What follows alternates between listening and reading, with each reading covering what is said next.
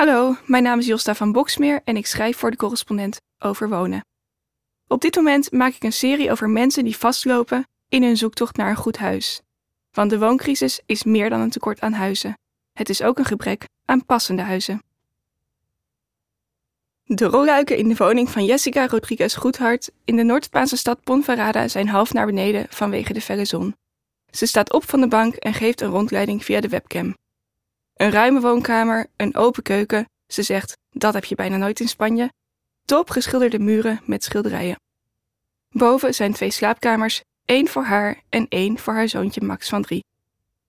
Er is een park om de hoek en er zijn leuke cafeetjes waar ze naartoe kan met haar vrienden uit de buurt. Met Max kan ze naar het zwembad. Ze is bezig haar rijbewijs te halen, dat ze in Amsterdam nooit nodig had, en zoekt naar werk. Ze zegt: Ik kijk nu naar locaties die ik kan verbouwen tot een eettent of café met een parkje voor kinderen. Het klinkt heerlijk als een verhaal uit Ik Vertrek dat hard op weg is naar een goed einde. Maar voor Jessica had het besluit om naar Spanje te gaan niets te maken met een lang gekoesterde droom.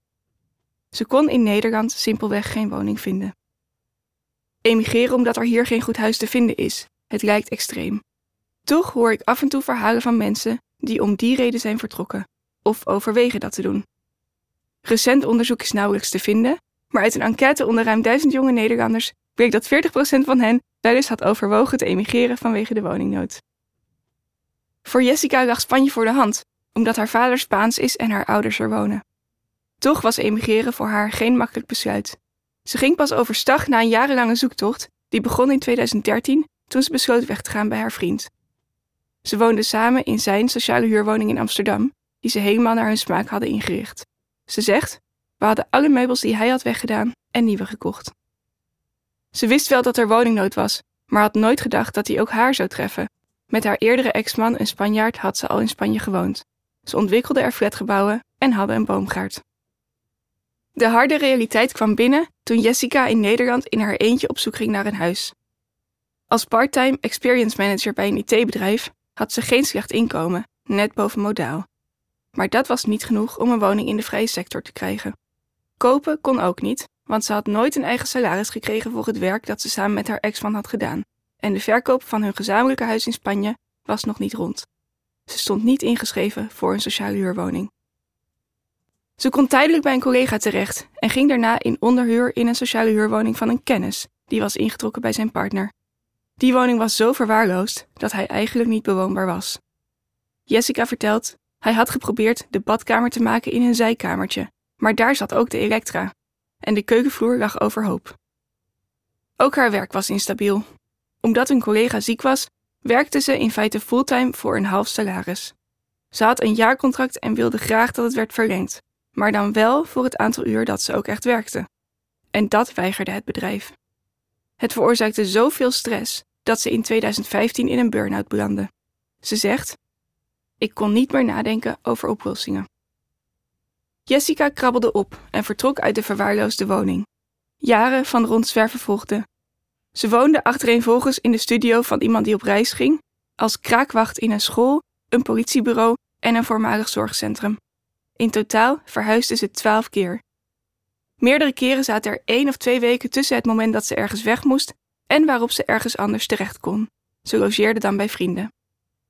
Het leven zonder zekerheden viel haar zwaar de meubels die ze had meegenomen uit het huis dat ze deelde met haar ex-vriend gingen één voor één de deur uit. Ze zegt: Mensen zeggen dat is mooi, je hoeft niet aan iets vast te zitten. Maar dat kun je alleen vanuit een bepaalde positie doen. Je moet een inkomen hebben, je registratie op orde hebben, weten dat je ergens kunt aarden. In 2017 ontdekte Jessica dat ze zwanger was. Ze zegt: Ik was helemaal happy de peppy, ging zingend over straat. Maar ik dacht ook: waar moet ik nu wonen?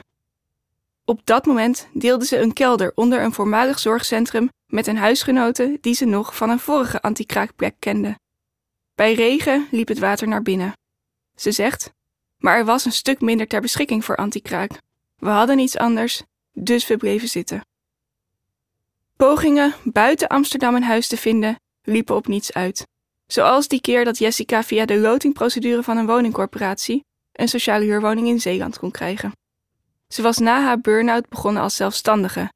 Ze hielp bedrijven veranderen en kon nog geen inkomen aantonen. En dus ging het nieuwe huis niet door. Voor de bevalling ging ze naar haar ouders in Spanje, maar daar blijven wilde ze niet. Ze zegt: Ik had echt mijn leven in Amsterdam, met vrienden die als familie gaan voelen. Na een paar maanden kwam ze met baby Max terug naar Nederland om de zomer door te brengen in het huis van vrienden die op reis waren. Toen die terugkeerde, volgde weer een periode met tijdelijke verblijfplekken. Terwijl Max op de kinderopvang was, probeerde Jessica haar leven als zelfstandig ondernemer op te bouwen. Als ze geen huis hadden, gingen ze op vakantie naar Spanje. Het breekpunt kwam in maart 2020, net na de uitbraak van de coronapandemie. Plotseling ging niemand meer een tijdje weg, waardoor er geen tijdelijke woningen meer beschikbaar waren. Tot overmaat van ramp kondigde de Belastingdienst aan dat Jessica en degene van wie ze op dat moment een woning onderhuurde als toeslagpartner scholden. Ze moest 17.000 euro aan kinderopvangtoeslag terugbetalen.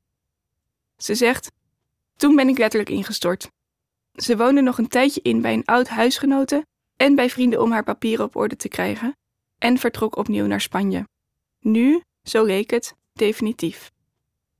Een jaar lang woonde zij en haar zoontje bij haar ouders in de buurt van Ponferrada.